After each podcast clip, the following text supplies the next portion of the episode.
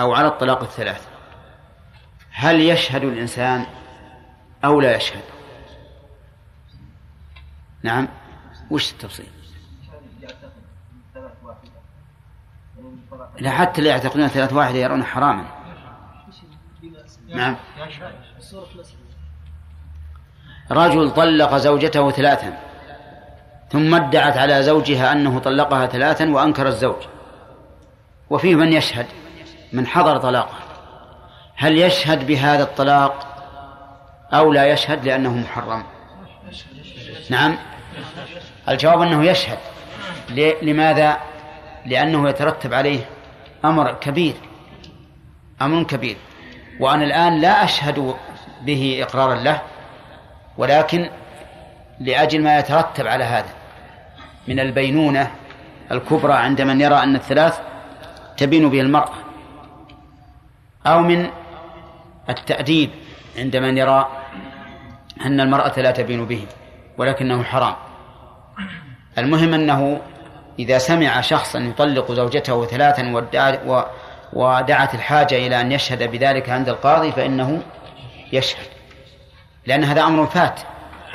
ولم يبقى الآن إلا أن نشهد به من أجل ترتب إيش؟ الآثار عليه. من أجل ترتب الآثار عليه. بخلاف ما لو شهد على ما لو شهد على بيع خمر مثلا فإنه لا يشهد بذلك. لأن بيع الخمر حرام ويجب رده على البائع أو بل يجب إتلافه وليس للبائع عوض في عن هذا الخمر. وإن كان القول الراجح في هذه المسألة أنه يجبر المشتري على أن يتصدق بهذا الثمن الذي جعله ثمنا للخمر لئلا يجمع يجمع له بين العوض والمعوض. طيب وفي من فوائد الحديث أن المعين على الحرام مساو للمباشر له لقول النبي صلى الله عليه وسلم هم سواء ولكن هذا مشكل. وش وجه الإشكال؟ أنه ليس الشاهد والكاتب والموكل كالمباشر الذي انتفع بالربا. ولكن ربما يمكن أن نقول إن الحديث محمول إن الحديث تحمل فيه التسوية على أنهما على أنهم سواء في أصل الإثم. أو في أصل اللعنة وإن اختلفوا في كيفيتها. ولا يلزم من التساوي في الأصل التساوي في الكيفية. وإنما قلنا إن هذا محتمل لأننا نعلم أن جزاء الله سبحانه وتعالى مبني على العدل العدل التام. نعم لو كان لو كان لا يثبت الربا للآكل إلا بشهادة هؤلاء فربما نقول إنهم يتساوون حتى في كيفية اللعنة وصفة العقوبة. وللبخاري نحوه من حديث أبي جحيفة رضي الله عنه. قوله نحوه يعني ما يقاربه ما يقاربه لأن في حديث أبي جحيفة لعن النبي صلى الله عليه وسلم آكل الربا وموكله. آكل الربا وموكله وليس فيه ذكر الكاتب والشاهدين. ثم قال وعن عبد الله بن مسعود رضي الله عنه عن النبي صلى الله عليه وسلم قال الربا ثلاثة وسبعون بابا. أيسرها مثل أن ينكح الرجل أمه وإن أربى الربا عرض الرجل المسلم رواه ابن ماجه مختصرا والحاكم بتمامه وصححه. قال النبي عليه الصلاة والسلام الربا. ولعلنا أولا نتكلم عن هذا الحديث. هذا الحديث لا شك أن في متنه شيئا من النكارة. وذلك لأن أكل المال بالربا أعظم من أكل العرض. اللهم إلا إذا كان العرض بالقذف. إذا كان العرض بالقذف فنعم. ثانيا ولأن في بعض ألفاظ هذا الحديث بل في هذا الحديث اللفظ الذي ذكر المؤلف أيسرها مثل أن ينكح الرجل أمه. أيسر الأبواب؟ مثل أن ينكح الرجل أمه.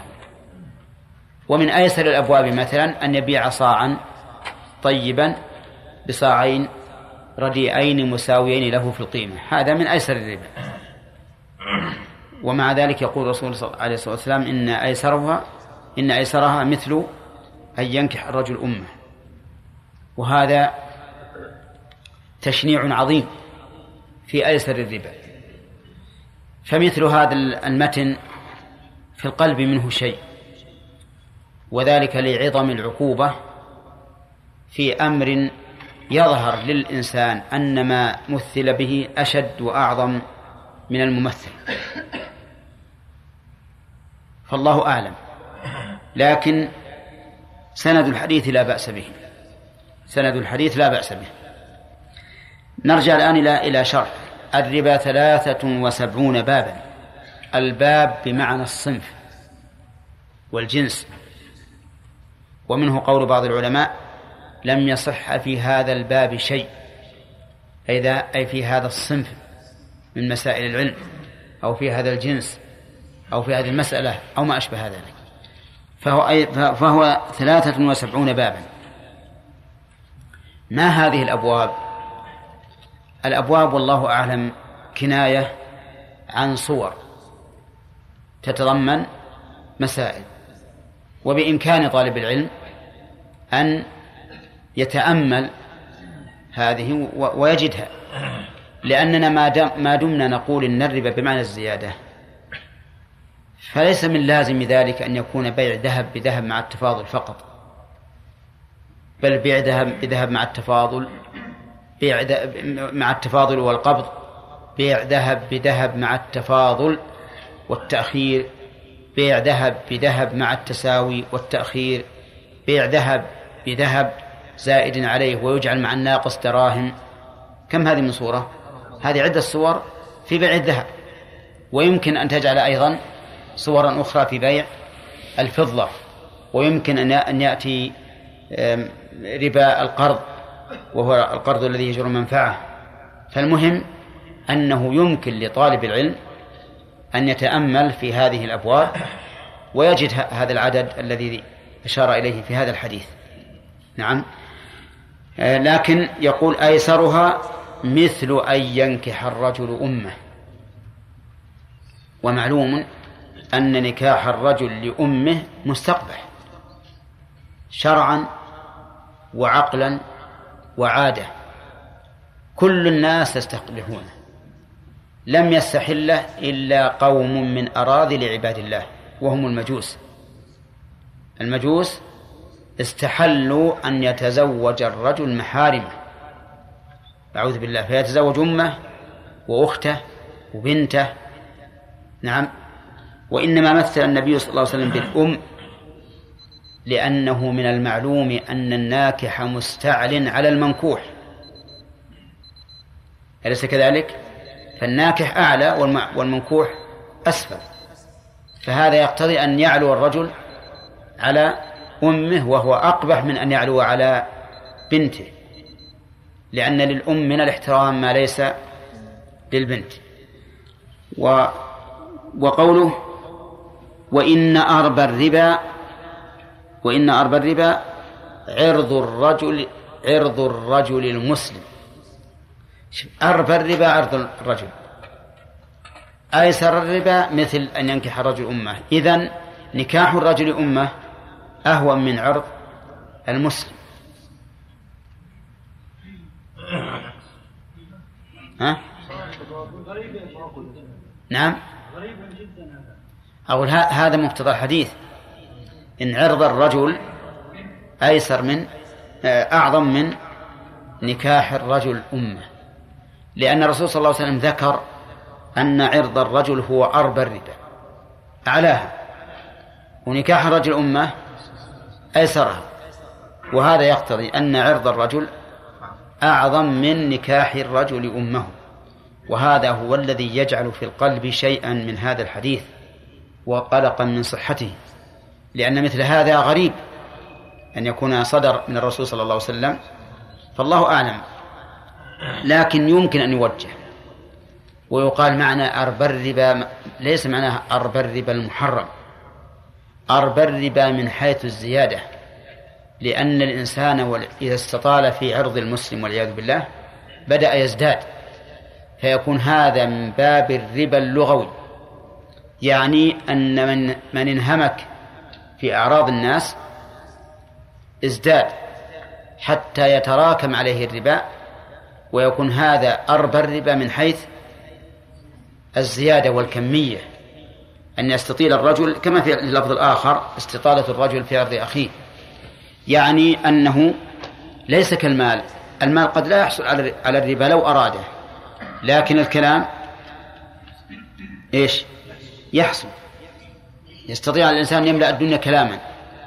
والإنسان إذا ابتلي بهذا الأمر نسأل الله السلامة أي بأكل لحوم الناس استزاد. استزاد.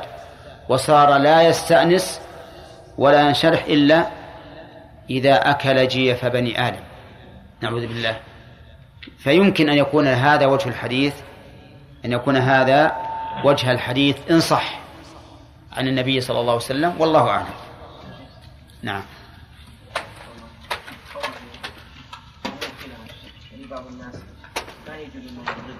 إيش؟ ما يجدون من نعم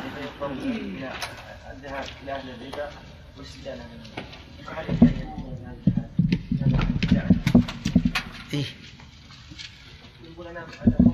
يقول هذا أنه مضطر إلى الربا ما لم يجد من يقرضه ولم يجد من يسلمه يعني من يعامل بالسلم فماذا يصنع؟ يروح يا ها؟ وش يسوي؟ لا لا ما يسرق من يتق الله يجعل له من أمره يسرا نقول الآن الناس يطلبون الحرفي اللي يشتغل. كم الريال؟ اليومية بكم؟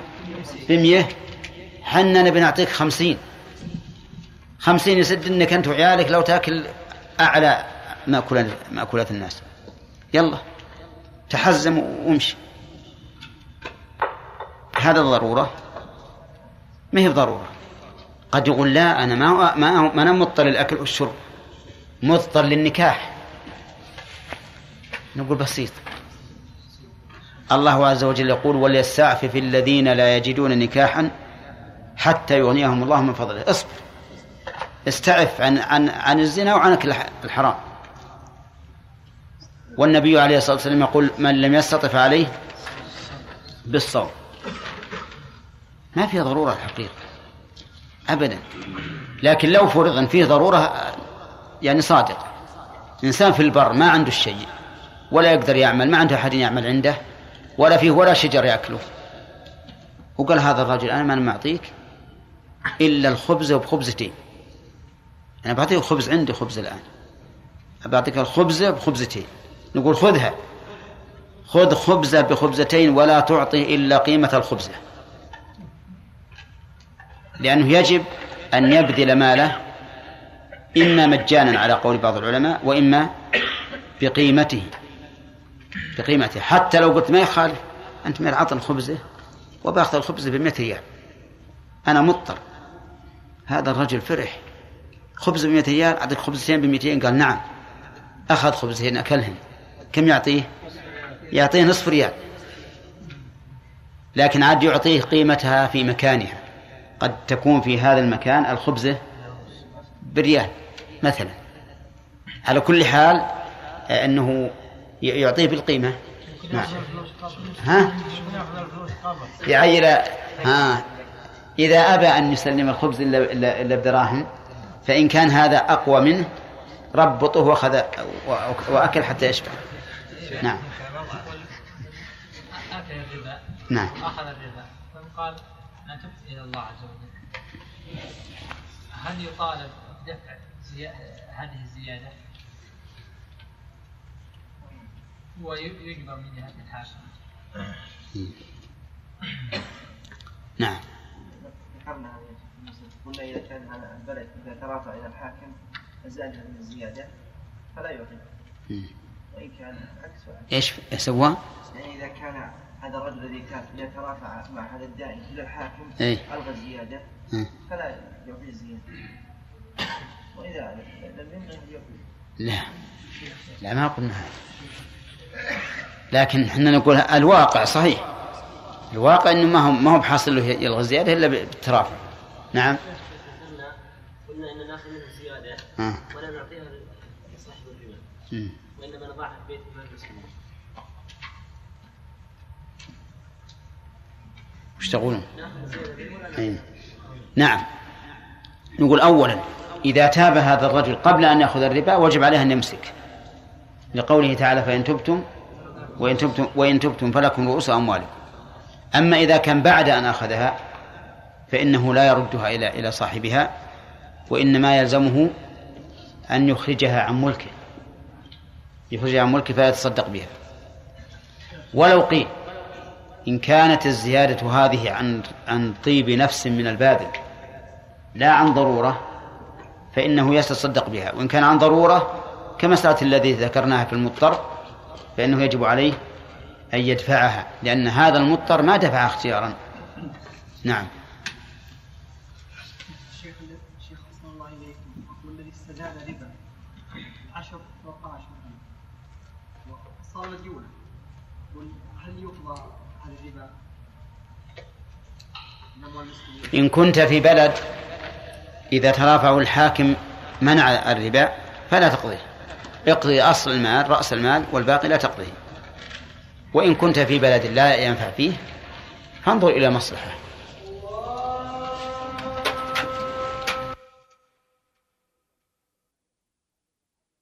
أصحابه أجمعين عرف يا محمد الربا لغة واستشهد له.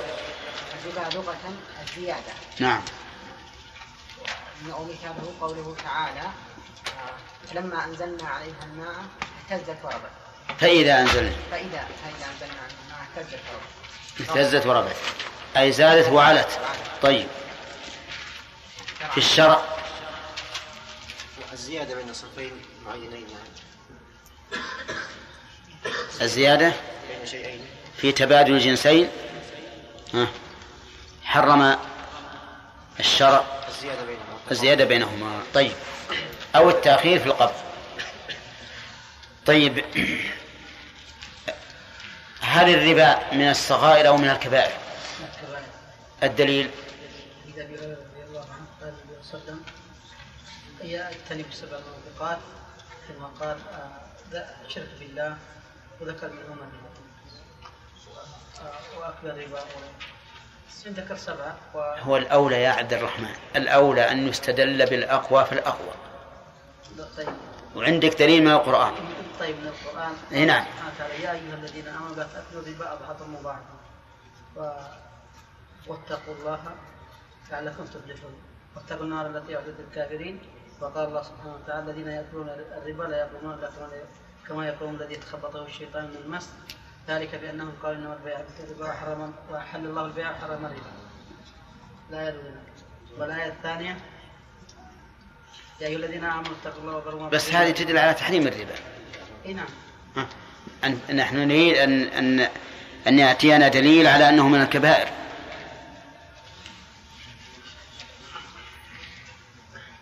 نعم الله تعالى ومن جاءه موعظة من ربه فله ما سلف وهو الله ومن عاد فاولئك اصحاب النار هم فيها خالدون وجه الدلالة؟ توعده بالنار. والوعيد لا يكون إلا على كبيرة من كبائر الذنوب. طيب. في آية ها؟ حديث. بمعنى. أي نعم. حديث جابر. لا أنا آكل الربا. نعم. إذا قال قال بدرس الجديد الآن. وأنا يقول النبي عن أبي سعيد الخدري رضي الله عنه أن رسول الله صلى الله عليه وسلم قال لا تبيعوا الذهب بالذهب إلا مثلا بمثل. ولا تشفوا بعضها على بعض ولا تبيعوا الورق بالورق إلا مثلا بمثل. ولا تشفوا بعضها على بعض ولا تبيعوا منها غائبا بناجز.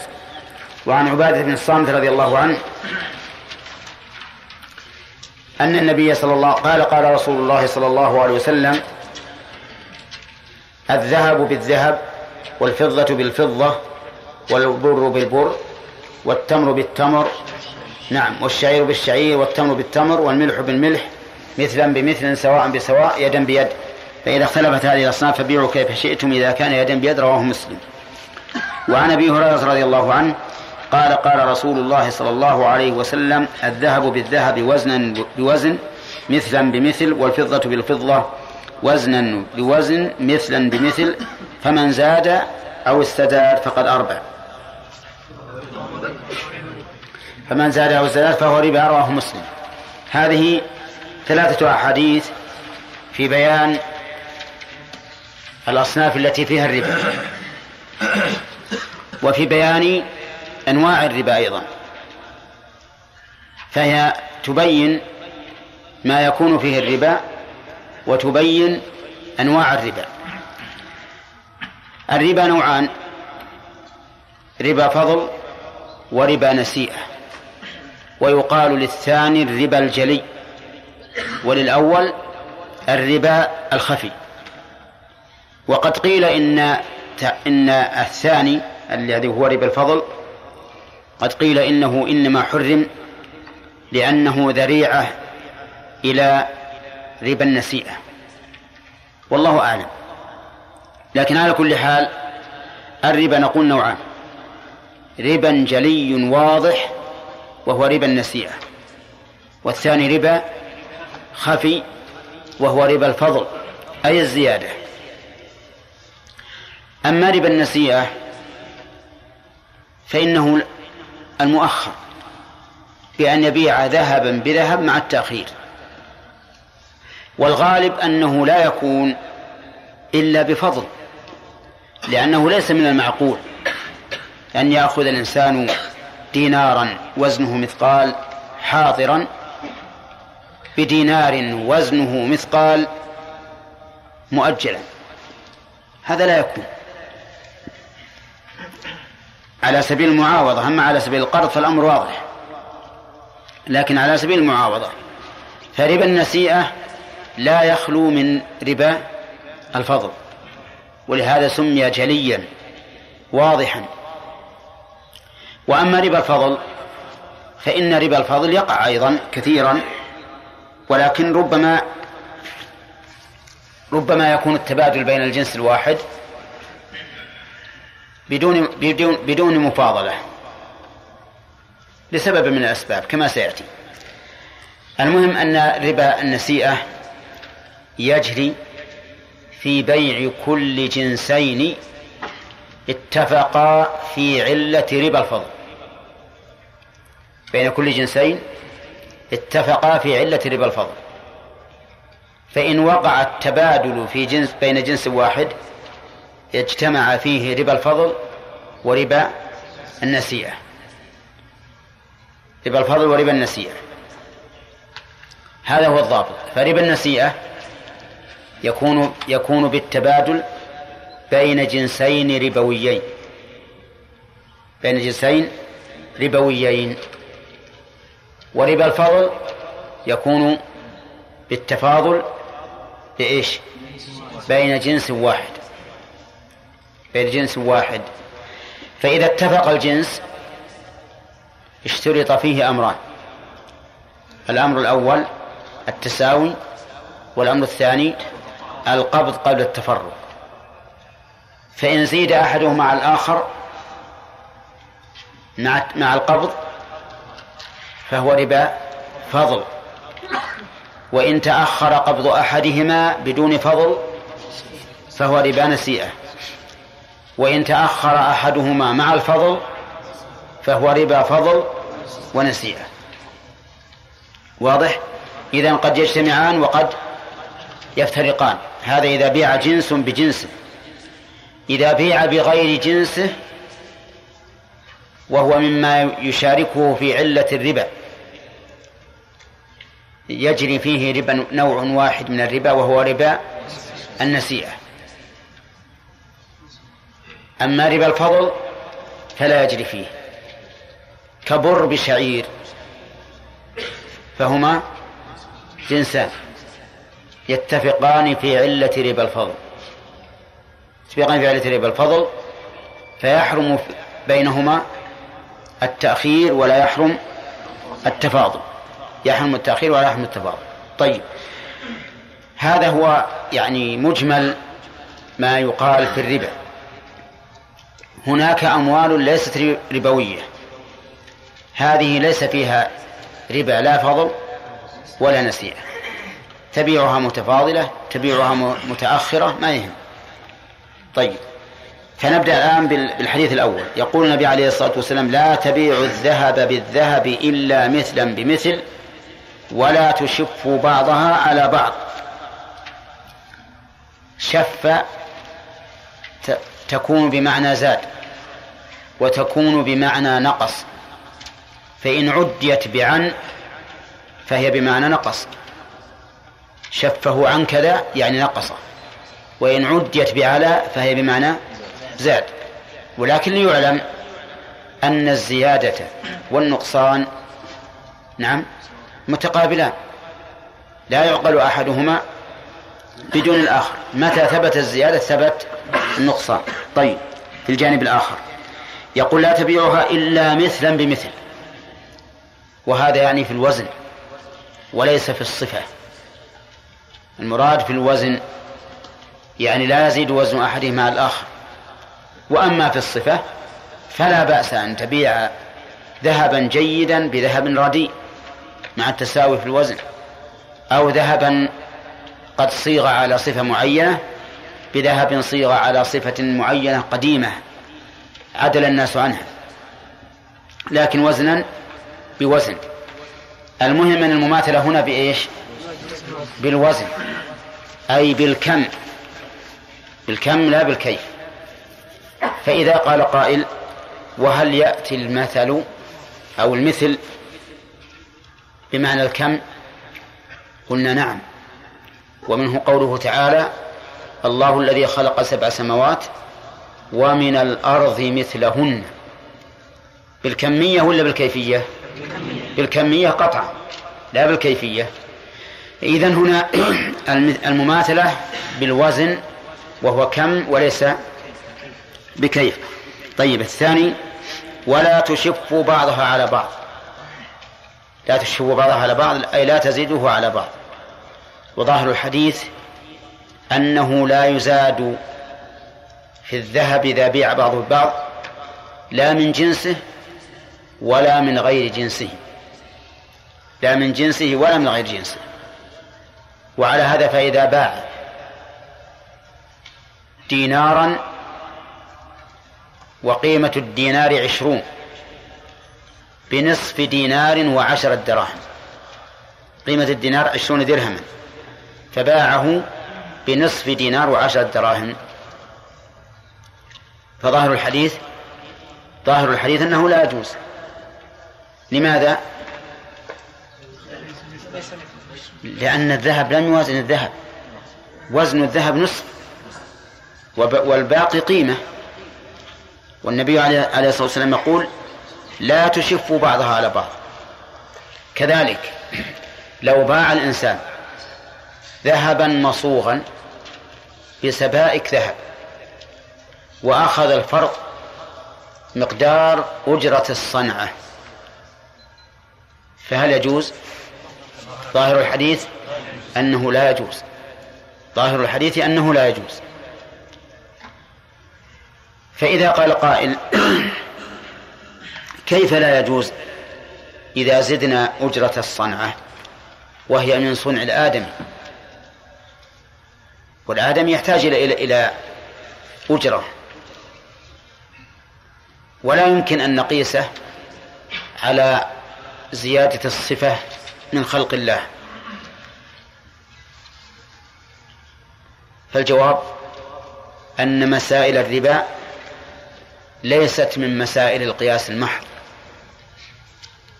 لأن فيها أشياء ليس فيها نقص ولا ظلم ومع ذلك ومع ذلك حرمها الشارع. فقد جيء إلى رسول الله صلى الله عليه وسلم بتمر طيب جيد فسأل فقيل له كنا نأخذ الصاع من هذا بالصاعين والصاعين بالثلاثة. فقال هذا عين الربا. وأمر برده. مع أن هذه المسألة ليس فيها ظلم بوجه من الوجوه وليس فيها إكراه. وكل أحد يعلم أن هذا لا محذور فيه من الناحية النظرية. ومع ذلك قال النبي صلى الله عليه وسلم هذا عين الربا. فدل ذلك على أن مسائل الربا يجب فيها الوقوف على مقتضى النص على مقتضى النص. فلو قال, فلو قال قائل إن هذا من صنع الآدم. الزيادة بالصنعة. بخلاف طيب التمر. قلنا نعم هذا صحيح. لكن قد يكون طيب التمر أيضا من صنع الآدمي وبسببه إذا لم يلقح النخلة صار تمرها رديئا. وإذا كنزه كنزا جيدا صار صار طيبا. وإذا كنزه كنزا رديئا صار رديئا. والحديث عام. قال هذا عين الربا. ثم إنه ينتقض مسألة الصنعة تنتقض بما إذا أبدل دنانير مسكوكة بسبائك من الذهب. هل يجوز التفاضل؟ لا. لا يجوز حتى عند الذين يقولون بجواز التفاضل في الصنعة مع مع وجود الصنعة في أحدهما. مع أن مع أن الدراهم المسكوكة فيها صنع آدم فيها صنع آدم ومع ذلك لا تجيزونها. قد يقولون إن الصنعة هنا غير مقصودة لذاتها. صنعة الدراهم والدنانير غير مقصودة لذاتها. إنما صنعها عام من أجل الرواج. من أجل الرواج وأن تكون قيم الأشياء بخلاف الصنعة الخاصة التي صنعها الإنسان لتكون حليا على صفة معينة وسلم أجرتها. فيقال هب أن الأمر كذلك لكن ما تصنع ماذا نصنع بالتمر إذا كان سوءه من صنع الآدمي؟ وطيبه من صنع الآدمي أي بسبب الآدمي. ولهذا كان قول الراجح في هذه المسألة أنه لا يجوز التفاضل بين الذهب بالذهب ولو من أجل الصنعة وأن الباب يجب أن يغلق لأن النفوس تحب المال. فإذا أجيز التفاضل من أجل الصنعة تدرجت النفوس إلى التفضيل من أجل الرداءة والجودة. وحينئذ يقع الناس فيما كان حراما بلا إشكال. طيب. قال النبي عليه الصلاة والسلام ولا تبيع الورق بالورق. ما هو الورق؟ المراد به هنا الفضة. سواء جعلت دراهم أم لم تجعل. وهذا متفق عليه. مع أن بعض العلماء في باب الزكاة لما قال وفي الرقة ربع العشر قالوا المراد بالرقة الدراهم المضروبة وأخرجوا منها الحلي الذي يستعمل. قالوا ليس فيه زكاة. ولكن الصحيح أن الزكاة واجبة في الحلي سواء سمي ورقا أو أم لم يسمى. مع أن ابن حزم رحمه الله قال إن الورق اسم للفضة مطلقا سواء كانت دراهم مضروبة أو غير مضروبة. وهي هنا الورق اسم للفضة مطلقا سواء كانت مضروبة أم غير مضروبة حتى عند القائلين بعدم وجوب الزكاة في في في الحلي. ولكن الصحيح كما مر علينا أنه تجب الزكاة في الحلي مطلقا. طيب يقول إلا مثل ولا تشفوا بعضها على بعض. تشف هنا بما تنقص أو تزيد. بدليل؟ بدليل على نعم. قال ولا تبيعوا منها غائبا بناجز غائبا يعني لم لم يحضر. بناجز مقدم منقود طيب. وهذه النقطة وهذه الجملة الأخيرة فيها تحريم النسيئة. فيها تحريم النسيئة. بين الذهب بالذهب. والفضة بالفضة والذهب بالفضة. ولهذا جاءت الجملة بعد ذكر البيع في الجنسين في الذهب وفي الفضة. أنتم معنا الآن؟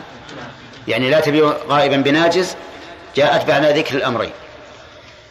فالغائب بالناجز لا يجوز سواء باع الإنسان ذهبا بذهب أو فضة بفضة أو ذهبا بفضة لا يجوز التأخير وهذا الثاني. هذا وهذا التأخير يسمى إيش؟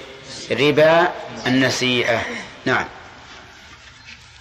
طيب وظاهر الحديث أنه لا فرق بين أن يكون هذا للاستثمار أو للاستغلال فالاستثمار أن يكون تكون المصلحة للطرفين والاستغلال أن تكون لطرف واحد. مثال الأول رجل أخذ أخذ ذهبا. مئة دينار بمئة دينار من أجل أن يكتسب بمئة الدينار التي أخذها فلا يأتي حلول الأجل إلا وقد ربح خمسين دينارا. هذا إيش؟ استثمار ولا استغلال؟ استثمار لأن لأن الطرفين كسبا رجل مثلا عرضت عليه السلعة بمئة دينار وهو يعرف أن هذه السلعة بعد ستة أشهر تكون بمئة وخمسين لكن ما عنده مئة دينار. فذهب إلى تاجر وقال أعطني مئة دينار بمئة وعشرين إلى ستة أشهر. قال خذ فاشترى السلعة. وبعد مضي ستة أشهر باعها بمئة وخمسين دينارا استفاد الطرفان. يسمى هذا في لغة العصر استثمارا. لأن الطرفين انتفعا. الاستغلال يأتي إنسان فقير. محتاج إلى إلى إلى زواج محتاج إلى بيت محتاج إلى سيارة إلى تاجر ويقول أنا ما عندي شيء. أعطني دراهم أشتري سيارة أو أبني بيتا أو أتزوج مئة الدينار بمئة وعشرين. ما هذا؟ يسمونه استغلالا والحقيقة أنه لا فرق. الكل استفاد. لكن في الصورة الأولى استفاد استفاد معطي الربا فائدة مالية. وهذا استفاد فائدة عينية أو فائدة تمتعية فالكل منهم مستفيد. فالتفريق بين هذا الاستثمار وهذا الاستغلال لا وجه له وعلى هذا فيحرم الربا سواء كان استثمارا أو استغلالا. نعم. طيب. قال وعن عبادة بن الصامت قال قال رسول الله صلى الله عليه وسلم الذهب بالذهب. ألب هنا للبدل يعني إذا إذا بيع الذهب أو أبدل بالذهب والفضة بالفضة كذلك. والبر بالبر والشعير بالشعير والتمر بالتمر والملح بالملح. هذه ستة أشياء. أو خمسة. ستة. كيف؟ الذهب بالذهب. هذا واحد. والفضة بالفضة اثنان. والبر بالبر ثلاثة والتمر بالت... والشعير بالشعير أربعة والتمر بالتمر والملح بالملح. ستة نعم. هذه يقول إذا بيع إذا بيع كل صنف بمثله مثلا بمثل. كمية ولا صفة؟ كمية. سواء بسواء كمية. وعلى هذا فتكون الثانية توكيدا للأولى. وإنما أكدها النبي عليه الصلاة والسلام لاقتضاء الحال ذلك لأن الناس قد يتهاونون في هذه في في التفاضل فأكده النبي صلى الله عليه وسلم بقوله سواء بسواء يدا بيد يعني مقابضة مقابضة تعطيه وتأخذ. طيب في الأول مثلا بمثل سواء بسواء تحريم التفاضل. يدا بيد تحريم التأخير وهو ربا النسيئة. يقول فإذا اختلفت هذه الأصناف فبيعوا كيف شئتم. اختلفت هذه الأصناف فبيعوا كيف شئتم. إذا كان يدا بيد. فإذا بعت ذهبا بفضة فبيع كيف شئت. مثلا بمثل أو زائدا بناقص لكن بشرط أن يكون يدا بيد. وإذا بعت برا بشعير فبيع كيف شئت. زائد بناقص لا مانع لكن يدا بيد. تمر بشعير كذلك بيع زائدا لكن يدا بيد. وكذلك الملح بعت ملحا ببر لا بأس بالزيادة ولكن يدا بيد. بعت ذهبا ببر.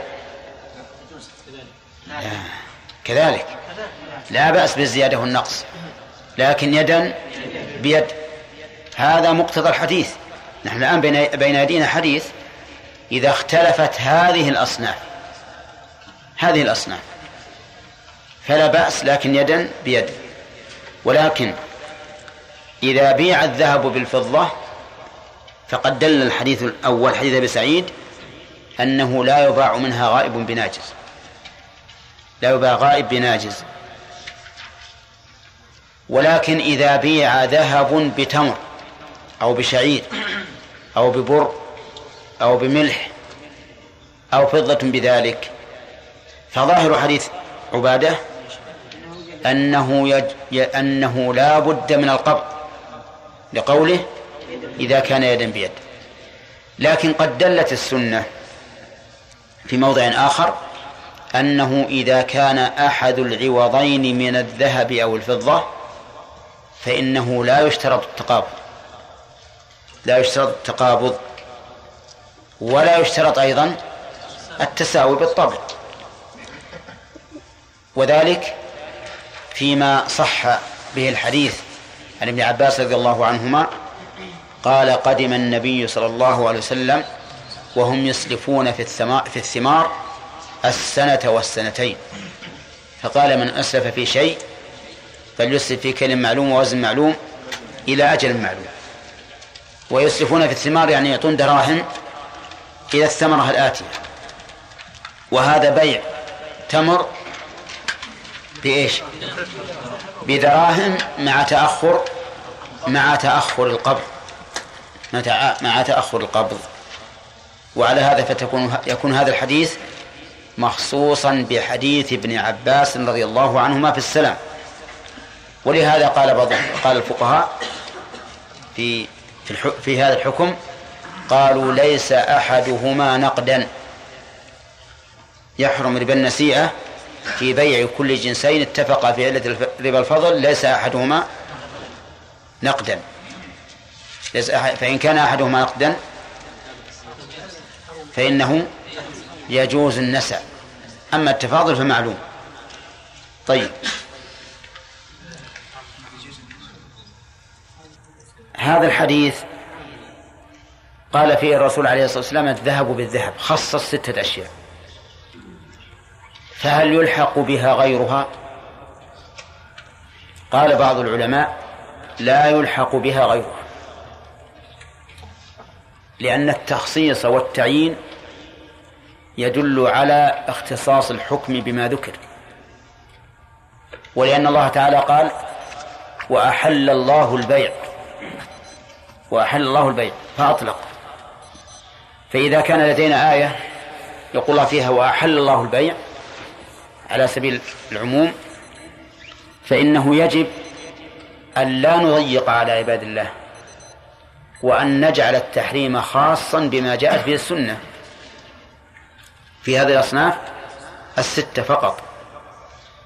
وما سواها لا نقيسه عليها. وإلى هذا ذهب أهل الظاهر. الظاهرية. وهم كما تعلمون أهل ظاهر. يأخذون بالظاهر ولا يلتفتون إلى المعنى. هذه جادة مذهبهم مع أنهم أحيانا يلتفتون إلى المعاني.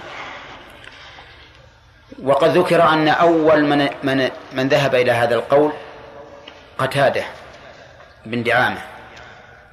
هو أول من ذهب إلى ذلك. وذهب بعض العلماء إلى اختصاص الحكم بهذه الأشياء الستة من أهل النظر. يعني لا من أهل الظاهر. وعللوا ما ذهبوا إليه بأن العلماء اختلفوا في العلة علة الربا. واختلافهم في العلة يدل على أن العلة مظنونة لأن العلة المتيقنة لا يختلف الناس فيها غالبا فلما اختلفوا فيها دل على أنها مظنونة وإذا كانت مظنونة فإنه لا يعمل بها وعلى هذا فنقتصر على هذه الأصناف الستة لا من أجل أننا لا نعقل العلة أو ليس لها علة لكن لأن العلة ليست معينة لدينا لا بالكتاب ولا بالسنة ولا بالإجماع. فالناس مختلفون فيها مضطربون. إذن نلغي هذه الأقوال كلها ونقول نقتصر على ما جاء به النص والباقي على الحل. وإلى هذا ذهب بعض بعض أصحاب الإمام أحمد كابن عقيل. من كبار أتباع الإمام أحمد رحمه الله. وقال بعض أهل العلم بل يلحق بهذه الأصناف الستة ما سواها في العلة. ما سواها في العلة. ثم اختلفوا بعد ذلك. ما هي العلة؟ فقيل العلة في الذهب والفضة أنهما موزونان. أنهما موزونان. لأن الناس في عهد الرسول عليه الصلاة والسلام يتبايعون بالذهب والفضة بالوزن. وأحيانا بالعد. أحيانا بالعد وأحيانا بالوزن. قال النبي عليه الصلاة والسلام ليس فيما دون خمس أواق صدقة. هذا عد ولا وزن؟ ها؟ وزن يا أخي. ليس فيما دون خمس أواق صدقة. وزن. وفي حديث أنس بن مالك في الكتاب الذي كتبه أبو بكر رضي الله عنه في الصدقات قال في الرقة في مئتي درهم ربع العشر فإن لم يكن إلا عشرون ومائة فليس فيها صدقة إلا يشاء ربها. هذا إيش؟ هذا عد. فقالوا الذهب والفضة في عهد الرسول صلى الله عليه وسلم تباع بالوزن وتباع بالعد.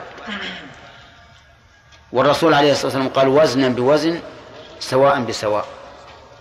فالعلة بالذهب والفضة هو الوزن وعلى هذا فكل موزون فهو ربوي. كل موزون فهو ربوي. الحديد ربوي والنحاس والصفر والرصاص وإلى كله ربوي. لأن العلة هي الوزن. طيب العلة في البقية الكيل.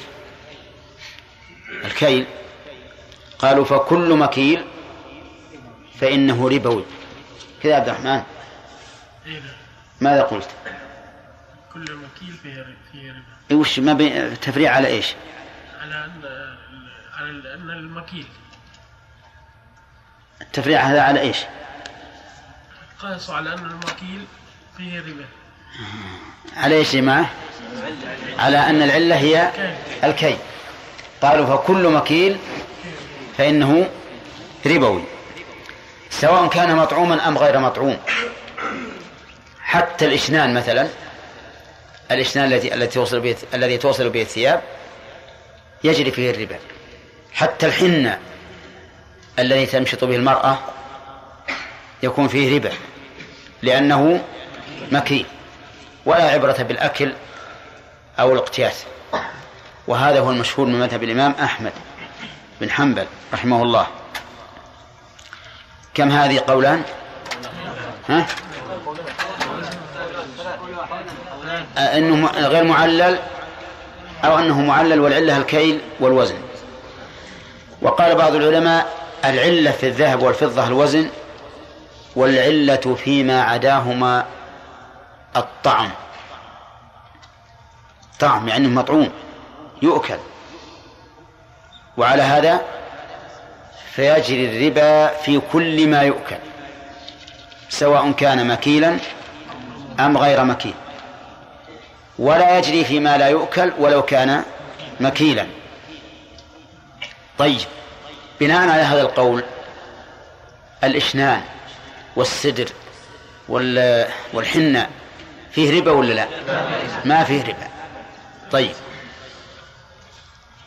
البرتقال والتفاح والرمان فيه ربا فيه ربا لأنه مأكول مطعوم فلعله الطعم الرز والبر والشعير فيه ربا على القولين جميعا على القولين جميعا لأنه مكيل ومطعوم. طيب القول الرابع هذا مذهب الشافعي هذا مذهب الشافعي رحمه الله. القول الرابع يقول العلة الاقتيات أنه مطعوم ويقتات يعني يتخذ قوتا يأكله الناس على أنه قوت لا على أنه تفكه. وعلى هذا فنقول إذا وجد شيء يكال أو يوزن لكنه ليس ليس قوتا للناس فإنه ها؟ ليس فيه ربا. وهذا مذهب مالك الإمام مالك رحمه الله وإليه يميل شيخ الإسلام ابن تيمية وابن القيم أن العلة هي القوت مع الكي. فإذا لم يوجد فإذا لم يوجد أحدهما أو إحدى العلتين فإنه ليس فيه ليس فيه ربا. وإذا دققت النظر وجدت أن الأشياء الأربعة التي ذكرها الرسول صلى الله عليه وسلم. البر والشعير والتمر والملح. وجدت أنها مكيلة لا شك. وأنها مطعومة. ويقتاتها الناس. الذين قالوا بأن لهذه الأصناف بأن لجريان الربا في هذه الأصناف الستة علة. بماذا يعللون؟ يعيد هم هم اختلفوا في العلة. اختلفوا أيضا في العلة. طيب. فمنهم من قال أن العلة هي الكيل والوزن. الكيل والوزن. في إيش؟ الكيل في, في- في البر والشعير والتمر والملح. نعم. والوزن في الذهب والفضة في الذهب والفضة. مطلقا. وبناء على هذا؟ أن المأكول وغير المأكول. بناء على هذا يجري الربا في كل مكيل كل مكيل وكل موزون. وكل موزون. مأكول أو غير مأكول طيب. القول الثاني. الأخ. ما حضرت؟ ها؟ ما حضرت؟ ليش ما شيء بندر. قال القول الثاني قول الشافعي كل موزون ومطعوم. والوزن في الذهب والفضة نعم. والطعم في الباقي الأربعة في الأرباح الباقية. وبناء على هذا يجري الربا. يعني قال إن العلة الوزن في الذهب والفضة.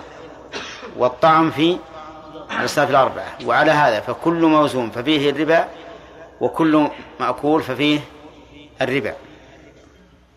طيب هذا ثلاث أقوال. أو قولان في في قولان في من يعلل نعم. اللي وراك. نعم. في الذهب والفضة الوزن والقول الثالث. وفي الأربع الباقي ما يقتات ما يقتات ويدخر طيب.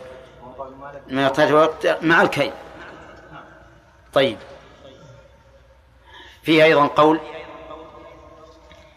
قول خامس. كيف؟ قل نعم. الآن نذكره. أن العلة أن العلة في الذهب والفضة الثمنية أنها ثمن الأشياء وقيمة الأشياء. والعلة في الأربعة القوت أنها قوت للناس يقتاتونها وليست من الكماليات. وإلى هذا ذهب الشيخ الإسلام ابن تيمية رحمه الله. ولكن بناء وبناء على هذا القول يجري الربا في كل ما كان أثمانا. سواء كان من الذهب أو من الفضة أو من الحديد أو من الخشب أو من الورق أو من أي شيء.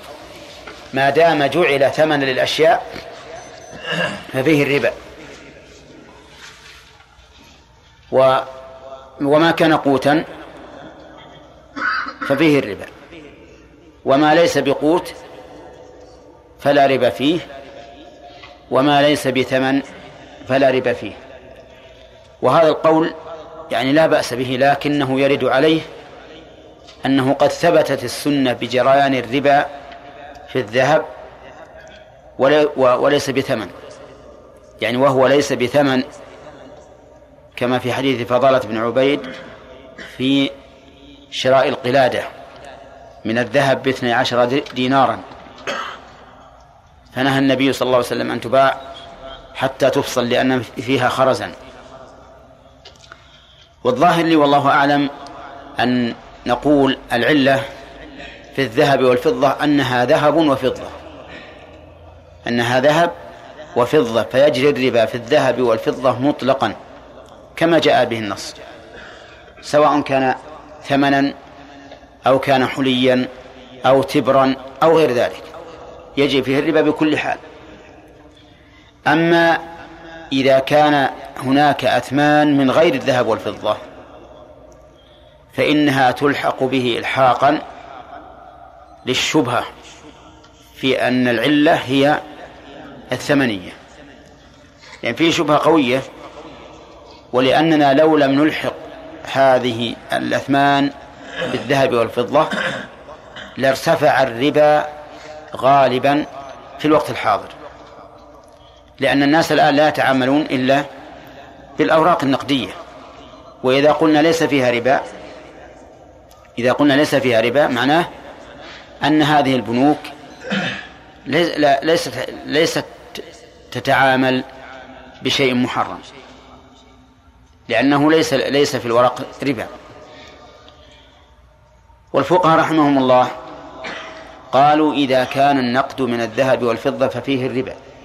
ربا الفضل وربا النسيئة. وأما إذا كان النقد غير ذهب ولا فضة ففيه ربا النسيئة دون ربا الفضل. دون ربا الفضل. فقالوا ليس في الفلوس ربا ليس في الفلوس ربا. إلا أن تكون نافقة يعني دارجة متداولة ففيها ربا النسيئة دون ربا الفضل. وبعضهم عبر بقوله لا ربا فيها مطلقا.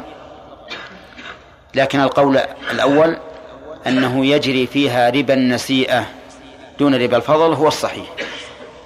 وعلى هذا فالأوراق النقدية لا يجري فيها ربا الفضل ويجري فيها ربا النسيئة. وهذا قول متوسط. ليس كقول من يقول إنها عروض مطلقا ليس فيها ربا وليس فيها زكاة. وليس كقول من يقول إنها كالذهب والفضة فيها ربا فضل ونسيئة بل هذا وسط بين القول بين القولين. أنه يجري فيها ربا النسيئة دون ربا الفضل. يعني لا يجوز أن أصرف نقدا بنقد غائبا بناجز ولكن يجوز أن أصرف عشرة بثمانية ناجزا يدا بيد أو أكثر أو أقل. لأن هذه الأشياء ليس لها قيمة ذاتية. إنما قيمتها تبع للعرض والطلب أو تبع لما تقرره الدولة أو الحكومة من أقيامها. فمثل عندنا قدرت الحكومة أن الورقة ذات الريال الواحد تقدر بريال واحد من المعدن. ولو شاءت لقالت تقدر بريالين. كالنصف والربع مثلا. فهذا تقويم تقويم نظامي فقط. وعلى هذا فيمكن أن يكون خاضعا للعرض والطلب. فإذا رخصت الأوراق صارت. صار صرفها بالعملة النقدية أرخص. وإذا غليت أو إذا غلت صارت أغلى. وأنا أذكر أن الناس كانوا يفضلون الورق النقدي على على الريال الفضي. والآن الريال الفضي يساوي؟ ها؟ يمكن خمسة عشر ريال ورق أو عشرة ريال ورقية. بينما أنا أذكر أنهم كانوا إذا خيروا لما كنا نقرأ في المعهد يخيرون الطلبة. تبي ورق ولا ريال؟ يقول لا أبي ورق. أبي ورق. يقول يقول أحيانا يعطونهم جنيهات بدل الفضة. تبي جنيهات ولا ورق؟ جنيهات ذهب يعني. يقول لا أنا أبي ورق.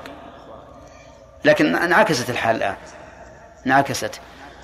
فأصح الأقوال في هذه في هذه المسألة أن العلة في الذهب والفضة كونها ذهبا وفضة. يعني هذا الجنس يجري فيه الربا على كل حال. ثم لشبهة أنها أن العلة الثمنية نقول ما جعل ثمنا للأشياء وقيمة فإنه يجري فيه ربا النسيئة دون ربا الفضل لأن الأصل حل وأحل الله البيع. حتى نتيقن أن أنه يدخل في الأموال الربوية. ولولا الفساد الكبير لولا الفساد الكبير لقلنا إنه لا يجري الربا فيها لا ربا الفضل ولا ربا النسيئة. لكن لا شك أن هذا القول يترتب عليه فساد عظيم. يترتب عليه حل, حل الربا ويترتب عليه سقوط الزكاة عن عن عن الأغنياء في الوقت الحاضر. لأن أكثر لأن أموال الناس الآن أوراق. فلو قلنا بأنها عروض مطلقا كما قال به بعض الفقهاء لسقط الربا فيها ولسقطت الزكاة ولحصل فساد كبير. فالحاصل أن القول الوسط أننا نلحقها بالثمنية في وجوب الزكاة وفي ربا النسيئة فقط. نعم. وهذا هو اختيار شيخنا عبد الرحمن بن سعدي رحمه الله. بل إنه رحمه الله يجيز تأخير القبض إذا لم تؤجل. إذا لم يكن فيه أجل. يعني معناه يجيز أن تصرف عشرة يعني دراهم سعودية بدينار كويتي مثلا مع تأخر القبض بشرط أن لا يكون التأخير بتأجيل مؤجل. ولكن الذي أرى أنه يجب القبض يجب التقابض قبل التفرق ولا يجوز التفرق قبل القبض. طيب ما تقول يا حجاج في رجل أبدل برتقالة مغربية ببرتقالتين مصريتين. يجوز؟ كيف؟ غلط.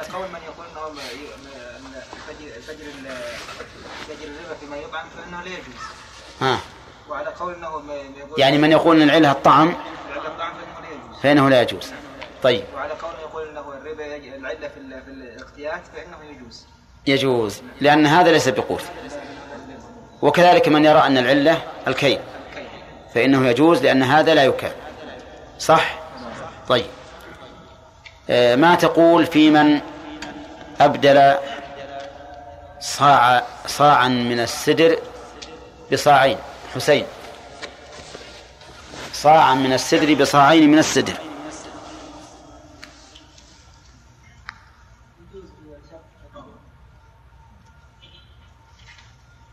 مطلقا. ها؟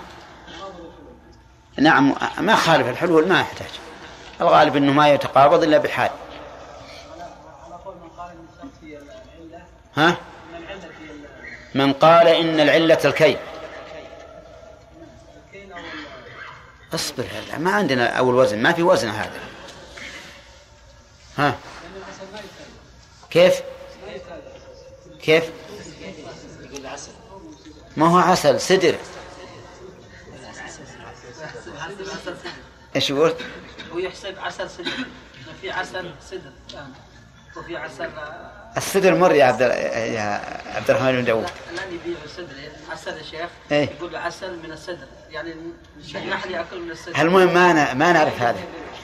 هذا سدر سدر اللي ح- يصلبه البدن. يغسلوه بماء وسدر. هذا في الحديث. دعنا من الحنابلة والشافعية والمالكية على قول من يقول بكذا؟ لأنه قد يكون من الشافعية من يرى يرى الحنابلة. من قال إن العلة الكيل سؤالي رجل باع صاعا من السدر بصاعين منه. مطلقا. آه. زين. لأنه مكيل. ومن قال إن العلة الطعم أو القوت يجوز؟ ها؟ الله يهديك. يجوز البيع؟ أنا أسألك عن البيع ما هو بالتفاضل يجوز؟ متأكد؟ توافقون على هذا؟ أي طيب. شوف بعض الناس إذا صار أنه ما عنده جزم بالجواب كان يحيد. أسأله يجوز ويقول يجوز التفاضل. إيش التفاضل؟ هل يجوز البيع ولا لا؟ طيب. على كل حال الآن فهمتم إن شاء الله الحكم. الأحكام هذه تنبني على اختلاف العلماء رحمهم الله في علة الربا. في علة الربا. طيب. هذا يا شيخ قول الشافعي. نعم. يعتبر العدد ولا الوزن؟ ما يعتبر لا عدد ولا وزن. طيب مثل التفاح أي يقول يجري فيه الربا. أي ولو كان عدد. أي يعني بس بالنسبة لا, لا الظاهر أنه هذه يعتبر الوزن لأن كيله متعذر. نعم. طيب نا- ناخذ الحديث اللي بعده عن أبي هريرة. قال رحمه الله وعن أبي هريرة رضي الله عنه. كيف؟ طيب ما يخالف. الأول حديث أبي سعيد عبد الله بن مسعود ما اخذ الفوائد إيه طيب. من حديث ابن مسعود يقول الربا ثلاث وسبعون بابا إلى آخره. من فوائد هذا الحديث حسن تعليم الرسول عليه الصلاة والسلام وذلك بتصنيف الكلام وتنويعه حيث قال الربا ثلاث وسبعون بابا. ومن فوائده أن الشارع قد ينص على الشيء مجملا ويكل العلم بتفصيله إلى الناس ليتتبعوه وهذا فيما يمكن أن يدرك بالتتبع. لأنه قال ثلاث وسبعون بابا ولم يبينها لكن العلماء يتتبعونها حتى يعرفوها. ومن ذلك قوله صلى الله عليه وسلم إن لله تسعة وتسعين اسما من أحصاها دخل الجنة. ولم يبينها لكنها مبينة. لكنها مبينة بالتتبع تعرف. وإنما قلت لكنها مبينة لئلا يرد علينا مذهب أهل التعطيل في صفات الله. الذين يقولون إن الله أراد بها معنى غير ظاهرها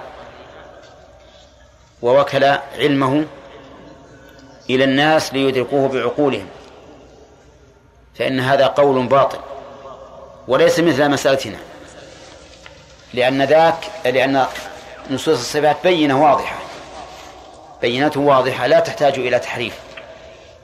ومن فوائد الحديث أن الربا من أكبر الكبائر لأنه جعل أيسر هذه الأبواب مثل أن ينكح الرجل أمه والعياذ بالله. ومنها من فوائد الحديث أن استطالة الإنسان في عرض المسلم, من أربى الربا لأنه ونعم. لأنه لا يكلفه شيئا فيزداد في عرض في في استطالته في عرضه ويكسب آثاما كثيرة وهو لا يدري. لقوله أربى الربا. وعلى هذا فيكون اسم التفضيل بالنسبة للكمية لا للكيفية. طيب.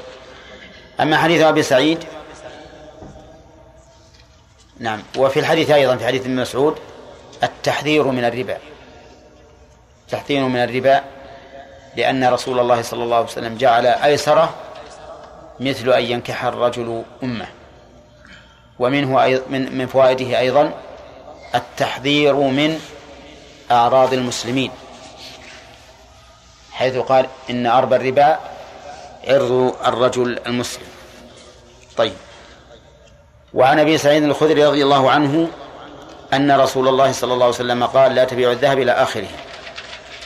ففي الحديث دليل على تحريم بيع الذهب بالذهب متفاضلا. ويؤخذ من عمومه أنه لا فرق بين كون أحد العوضين أجود من الآخر أم لا.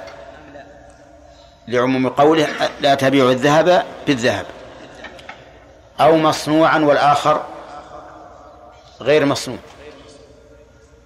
لعموم قوله لا تبيع الذهب بالذهب إلا مثلا بمثل. ومن فوائد الحديث أيضا تحريم بيع الفضة بالفضة إلا مثلا بمثل. ويقال فيها ما قيل في الذهب. ومن فوائد الحديث أنه يحرم تأخير القبض فيما إذا بيع الذهب بالذهب والفضة بالفضة والذهب بالفضة. ولهذا عاقب الجملة الأخيرة فقال لا تبيع منها غائبا بناجز ومن فوائد الحديث كمال بيان الرسول عليه الصلاة والسلام حيث إنه عليه الصلاة والسلام فصل تفصيلا كاملا في بيع الذهب بالذهب والفضة بالفضة. وفي وحديث عبادة بن الصامت فيه دليل على أن هذه الأصناف الستة يجري فيها الربا. وأن الربا فيها نوعان. ربا فضل وربا نسيئة. فإن بيع الشيء بجنسه اجتمع فيه ربا الفضل وربا النسيئة. وإن وإن بيع بغير جنسه ففيه ربا النسيئة فقط. والدليل قوله عليه الصلاة والسلام مثلا بمثل سواء بسواء يدا بيد. هذا فيه التماثل ها؟ والتقابل. طيب. وإذا اختلف فإذا اختلفت هذه الأصناف فبيعوا كيف شئتم إذا كان يدا بيد. هذا فيه ربا النسيئة إذا اختلف الجنس. وظاهر الحديث شمول هذا الحكم فيما إذا باع تمرا بدراهم. أو برا بدراهم أو شعيرا بدراهم أو ملحا بدراهم. أليس كذلك؟ نعم. يقول لكننا ذكرنا أثناء الشرح أن السنة قد دلت على عدم وجوب التقابض فيما إذا كان أحدهما نقدا. وما هي السنة التي تبين ذلك؟ السلم حديث ابن عباس. كان الناس يسلفون في الثمار السنة والسنتين فأقرهم النبي صلى الله عليه وسلم على ذلك. نعم. نعم. لا القرض ليس بالبيع البيع يقصد به التع... المعاوضة والقرض يقصد به الإحسان والإرفاق ولهذا إذا خرج عن طوله واشترط فيه النفع صار ربا أنا عندما أقرضك هل أنا أردت المعاوضة؟ أصبر أصبر. لا تقول أردت. ماذا أردت؟ الإحسان. فالإحسان بابه واسع. بدليل أني لو أردت المعاوضة لكان مصارفة. لقلت اصرف هذا هذا الريال بريال آخر أو أو بدنانير. طيب مثل ذهب بذهب. إيه؟ كسر بعضه يعني يسار كسر بعضه هو يستفيد. أي. يسار مثل وأجل كيلو بكيلو. وش يستفيد. صحيح هذا إيراد واضح.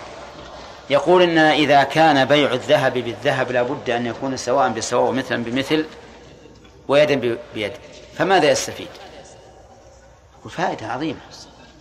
قد يكون هذا الحلي تختاره المرأة والثاني والمرأة الأخرى تختار حليا آخر. ولا صحيح أن بيع دينار بدينار؟ هذا ما ما حد ما حد ما يستفيد. وقد يكون في الصفة أحدهما أحسن. يعني أجود.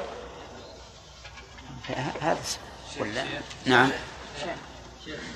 شيخ لم نقل إن أي شيء إذا جعل فان يكون فيه ربا النسيئة. على قول القول الأخير.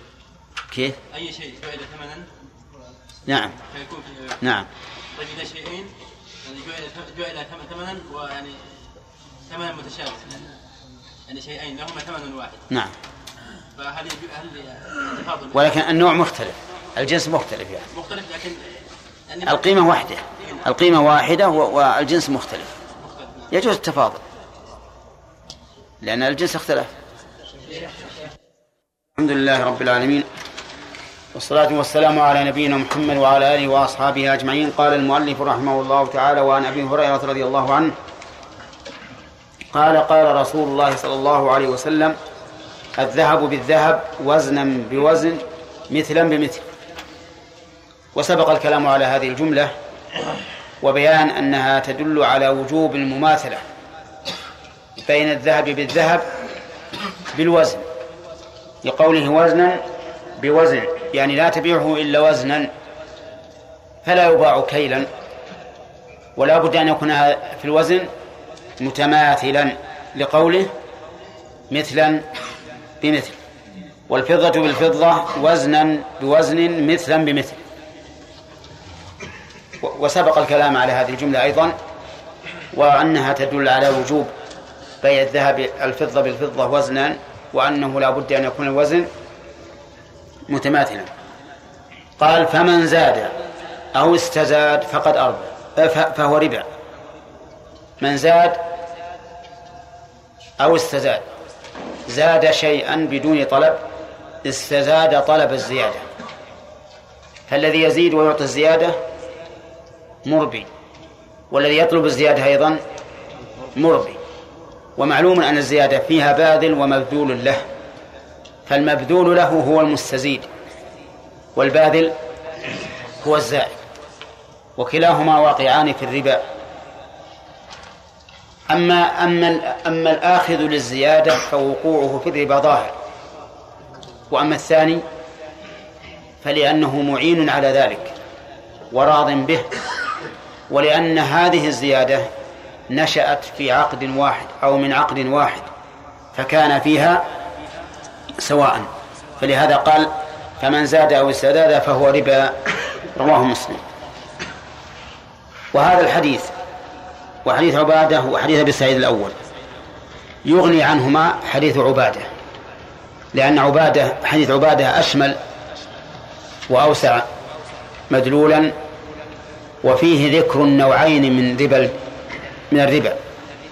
ربا الفضل وربا النسيئة يعني فلو أن المستدل الذي أراد أن يتكلم على تحريم الربا اقتصر في الاستدلال على حديث عبادة لكان كافيا. لكن أتى المؤلف بهذين الحديثين من باب توكيد المسألة وأن الأمر لم يأتي من طريق واحد عن رسول عن رسول الله صلى الله عليه وسلم. بل جاء من عدة طرق. ثم قال نعم في هذا الحديث دليل على ما سبق من وجوب التساوي في بيع الذهب بعضه ببعض ووجوب التساوي في بيع الفضة بعضها ببعض وأن المعيار لا بد أن يكون هو إيش؟ الوزن. وأن الآخذ للربا والمعطي كلاهما واقعان في الربا. ثم قال وعن أبي سعيد الخدري رضي الله عنه عنه وأبي هريرة رضي الله عنهما أن رسول الله صلى الله عليه وسلم استعمل رجلا على خيبر. وهذا الرجل اسمه سواد بن غزية. وإبهام الرجل أو بيان اسمه الغالب أنه لا يتعلق به حكم. ويكون خفاء اسمه من من الشيء الذي إن جهله الإنسان لا يضر وإن علمه فهو زيادة خير لكن ليس ليس بلازم في الغالب ولا يترتب عليه الحكم. يقول استعمله على خيبر أي جعله عاملا على خيبر وكيلا في قبض ما يستحقه المسلمون منها. فجاء بتمر فجاء بتمر جنيب التمر الجنيب هو الطيب الدجن الذي يكون آه، قاسيا شديدا لأن التمور تختلف. منها ما يكون لينا كالسلب ليس فيه شحم. ومنها ما يكون صلبا قويا شديدا طيبا. فالثاني يسمى الجنيب يعني التمر الطيب. فقال النبي صلى الله عليه وسلم كل أكل تمر خيبر هكذا؟ يسأل لأن النبي عليه الصلاة والسلام لا يعلم عن, عن هذه الأشياء ولا يعلم عن خيبر عن كل تمرها. فسأل فقال لا يا رسول الله فقال لا. والله يا رس... لا والله يا رسول الله. يعني ليس كل تمر خيبر هكذا بل فيه التمر الطيب وفيه التمر الردي. وإنا لنأخذ الصاع من هذا بالصاعين والصاعين بالثلاثة. الصاع من هذا بالصاعين من تمر خيبر والصاعين من هذا بالثلاثة من تمر خيبر أيضا. أيهما أرخص؟ الصفقة الأولى والثانية لا إله إلا طيب أصبر أصبر. الصاع بالصاعين يعني المئة بمئتين. الصاعين بالثلاثة المئتين بخمسمية. يعني ثلاثة أخماس نعم. يعني كسب ثلاثمائة لكن نسبة الثلاثمائة إلى الخمسمائة ثلاثة أخماس وذاك نسبته نعم النصف. فأيهما أكثر؟ طيب ما خالي؟ لو أخذنا بالأول الصاع بالصاعين. الصاع بالصاعين. كم يكون الصاعين؟ ها؟ أربعة. يكون الصاعين أربعة. وإذا كان الصاعين ثلاثة خمسة صار الصاعين؟ لا. لا صار الصاعين الصاعين بالثلاثة. يعني يكون الصاع صاع ونص. يعني ربع صاع ونص. صار الأخير؟ أرخص. أرخص يعني التمر الردي أرخص. يعني يأخذ الصاع بصاع ونص. ولكن يأخذ الصاع الأول أرخص. طيب الرخص بالطيب ولا بالردي؟ لا بالطيب. أنا أسأل عن الردي. بالطيب طيب. إذا اتفقنا. يعني أن الطيب أرخص بالنسبة إلى أخذ صاع بصاعين كذا ولا لا؟ وبالعكس إذا أخذ الصائم بالثلاثة. طيب المهم أنهم كانوا يأخذون إما ال- ال- المئة مئة ولا المئتين ثلاثمائة الصاعين بالثلاثة. نعم. يعني معناه إن, إن أرخص من الأول. فقال النبي صلى الله عليه وسلم بيع الجمع بالدراهم؟ فقال رسول الله صلى الله عليه وسلم لا تفعل لا تفعل هذه لا ناهية. يعني لا تفعل هذا الفعل فتشتري شيئا أقل بشيء أكثر من التمر. ثم أرشده فقال بيع الجمع بالدراهم. لما منعه من صورة الربا أرشده إلى صورة الحلال. فقال بيع الجمع بالدراهم. الجمع هو التمر المجمع المخلوط. والغالب أن التمر المجمع المخلوط. الغالب أنه يكون رديئا لأنه يكون من أنواع الرديئة ويخلط جميعا ولا يعتنى به. ما ينقى ولا يهذب. ثم ابتع بالدراهم جنيبا. ابتع بمعنى اشتري. بالدراهم جنيبا أي تمرا طيبا. وفي لفظ للمسلم قال ردوه يعني ردوا هذا التمر.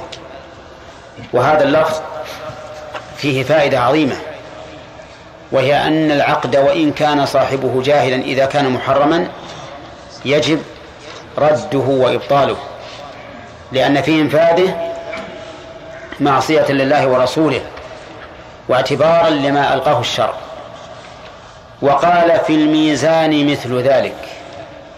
قال في الميزان. ما المراد بالميزان؟ قال بعض العلماء المراد بالميزان كل ما يوزن. كل ما يوزن. وقال بعض العلماء المراد بالميزان الذهب والفضة لأنها توزن. لأنها توزن. يعني قال في الذهب والفضة مثل ما قال في بيع التمر بالتمر. فإذا قال قائل ما مناسبة ذكر الميزان في هذه في هذه في هذه الصورة أو في هذه المسألة؟ فالجواب أن رسول الله صلى الله عليه وسلم كان من حسن تعليمه. إذا ذكر الشيء ذكر ما يمكن أن يحتاج إليه السائل وإن لم يسأل عنه. وهذا من الجود بالعلم. الجود بالعلم. كما لو سألك فقير قال أعطني قميصا فأعطيته قميصا وعمامة فإن هذا من الكرم بالمال والزيادة على سؤال السائل من الكرم بالعلم. ونظير هذا أن النبي صلى الله عليه وسلم سئل عن البحر فقال هو الطهور ماؤه الحل ميتته مع أنه لم يسأل عن عن الميتة لكن لأن من ركب البحر سيحتاج إلى الأكل فبين النبي عليه الصلاة والسلام ما يمكن أن يحتاج إليه بأن ميتته طاهرة. هذا الحديث كما ترون أصله بيع تمر بتمر متفاضلا هذا أصل. والرسول عليه الصلاة والسلام بين حكم هذه المسألة بيانا كافيا شافيا. فيستفاد من هذا الحديث عدة فوائد. الفائدة الأولى جواز استعمال الرجل الواحد في قبض الزكاة ومحاسبة الشركاء. وجهه أن النبي صلى الله عليه وسلم استعمل رجلا على خيبر. ومن المعلوم أن خيبر ثمارها شطرها للمسلمين. والشطر الثاني لليهود على سبيل المساقات. ولكن يشترط في العامل أن يكون ذا خبرة وأن يكون أمينا. وهذان الشرطان كما تعلمون شرط في كل معاملة. أسندت إلى شخص أن يكون الشخص ذا خبرة وأن يكون أمينا. وقد أشار الله إلى ذلك في كتابه. فقال عز وجل عن العفريت من الجن الذي قال لسليمان أنا آتيك به قبل أن تقوم من مقامك وإني عليه لقوي وهذه الخبرة أمين وهذه الأمانة.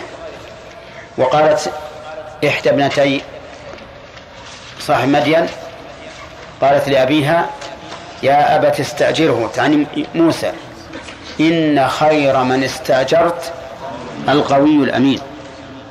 فلا بد لمن استعمل على عمل أن يكون فيه ذا خبرة وأن يكون أمينا.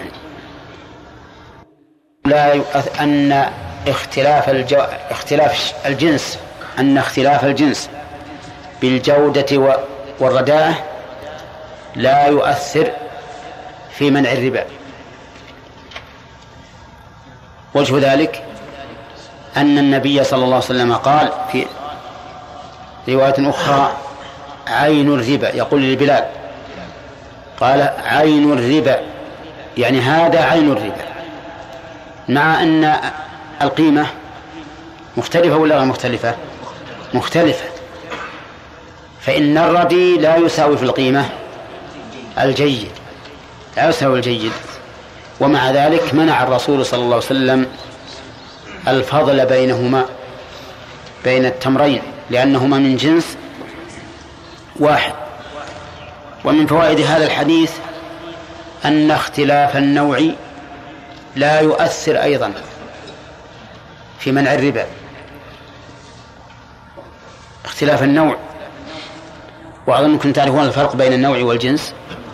التمر كله جنس. لكنه أنواع. سكري مثلا شقراء أم الحمام أنواع كثيرة.